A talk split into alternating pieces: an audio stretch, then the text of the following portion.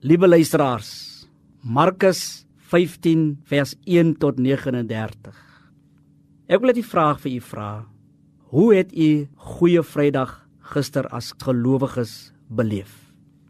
Was Goeie Vrydag vir u goeie nuus dat God ons volkome in Christus Jesus met hom versoen het? Was dit die goeie nuus vir u dat u sonde, my sonde werklik vergewe is? Dat hy eenmal vir ons aan die kruis gesterf het. Was goeie Vrydag vir u die goeie nuus dat alles nooit weer dieselfde sal wees nie.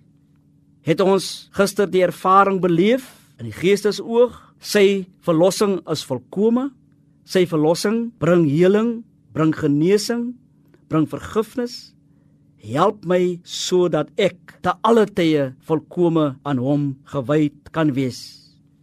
Iemand het by geleentheid geskryf: "Jy lê nog nie genoeg nie, want jy lê nog nie aan die mens nie. Christus het aan die mens gelei. Van sy geboorte af is dit die grondtoon van die melodie van sy lewe.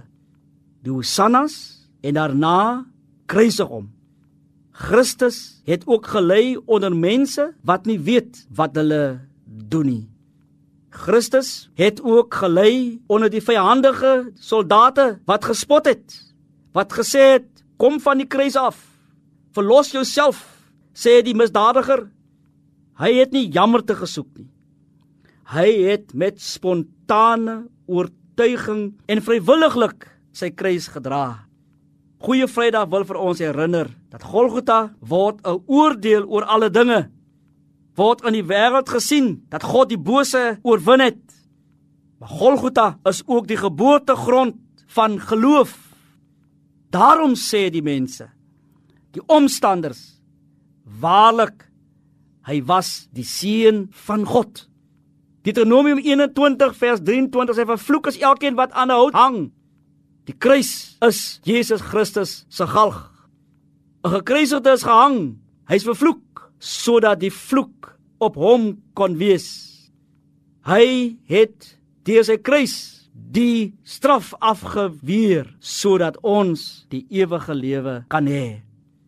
Goeie Vrydag vind juis plaas sodat ons moed kan hou. Sodat ons met 'n jubelhart kan sing. Kom ons gaan na Jesus kruis.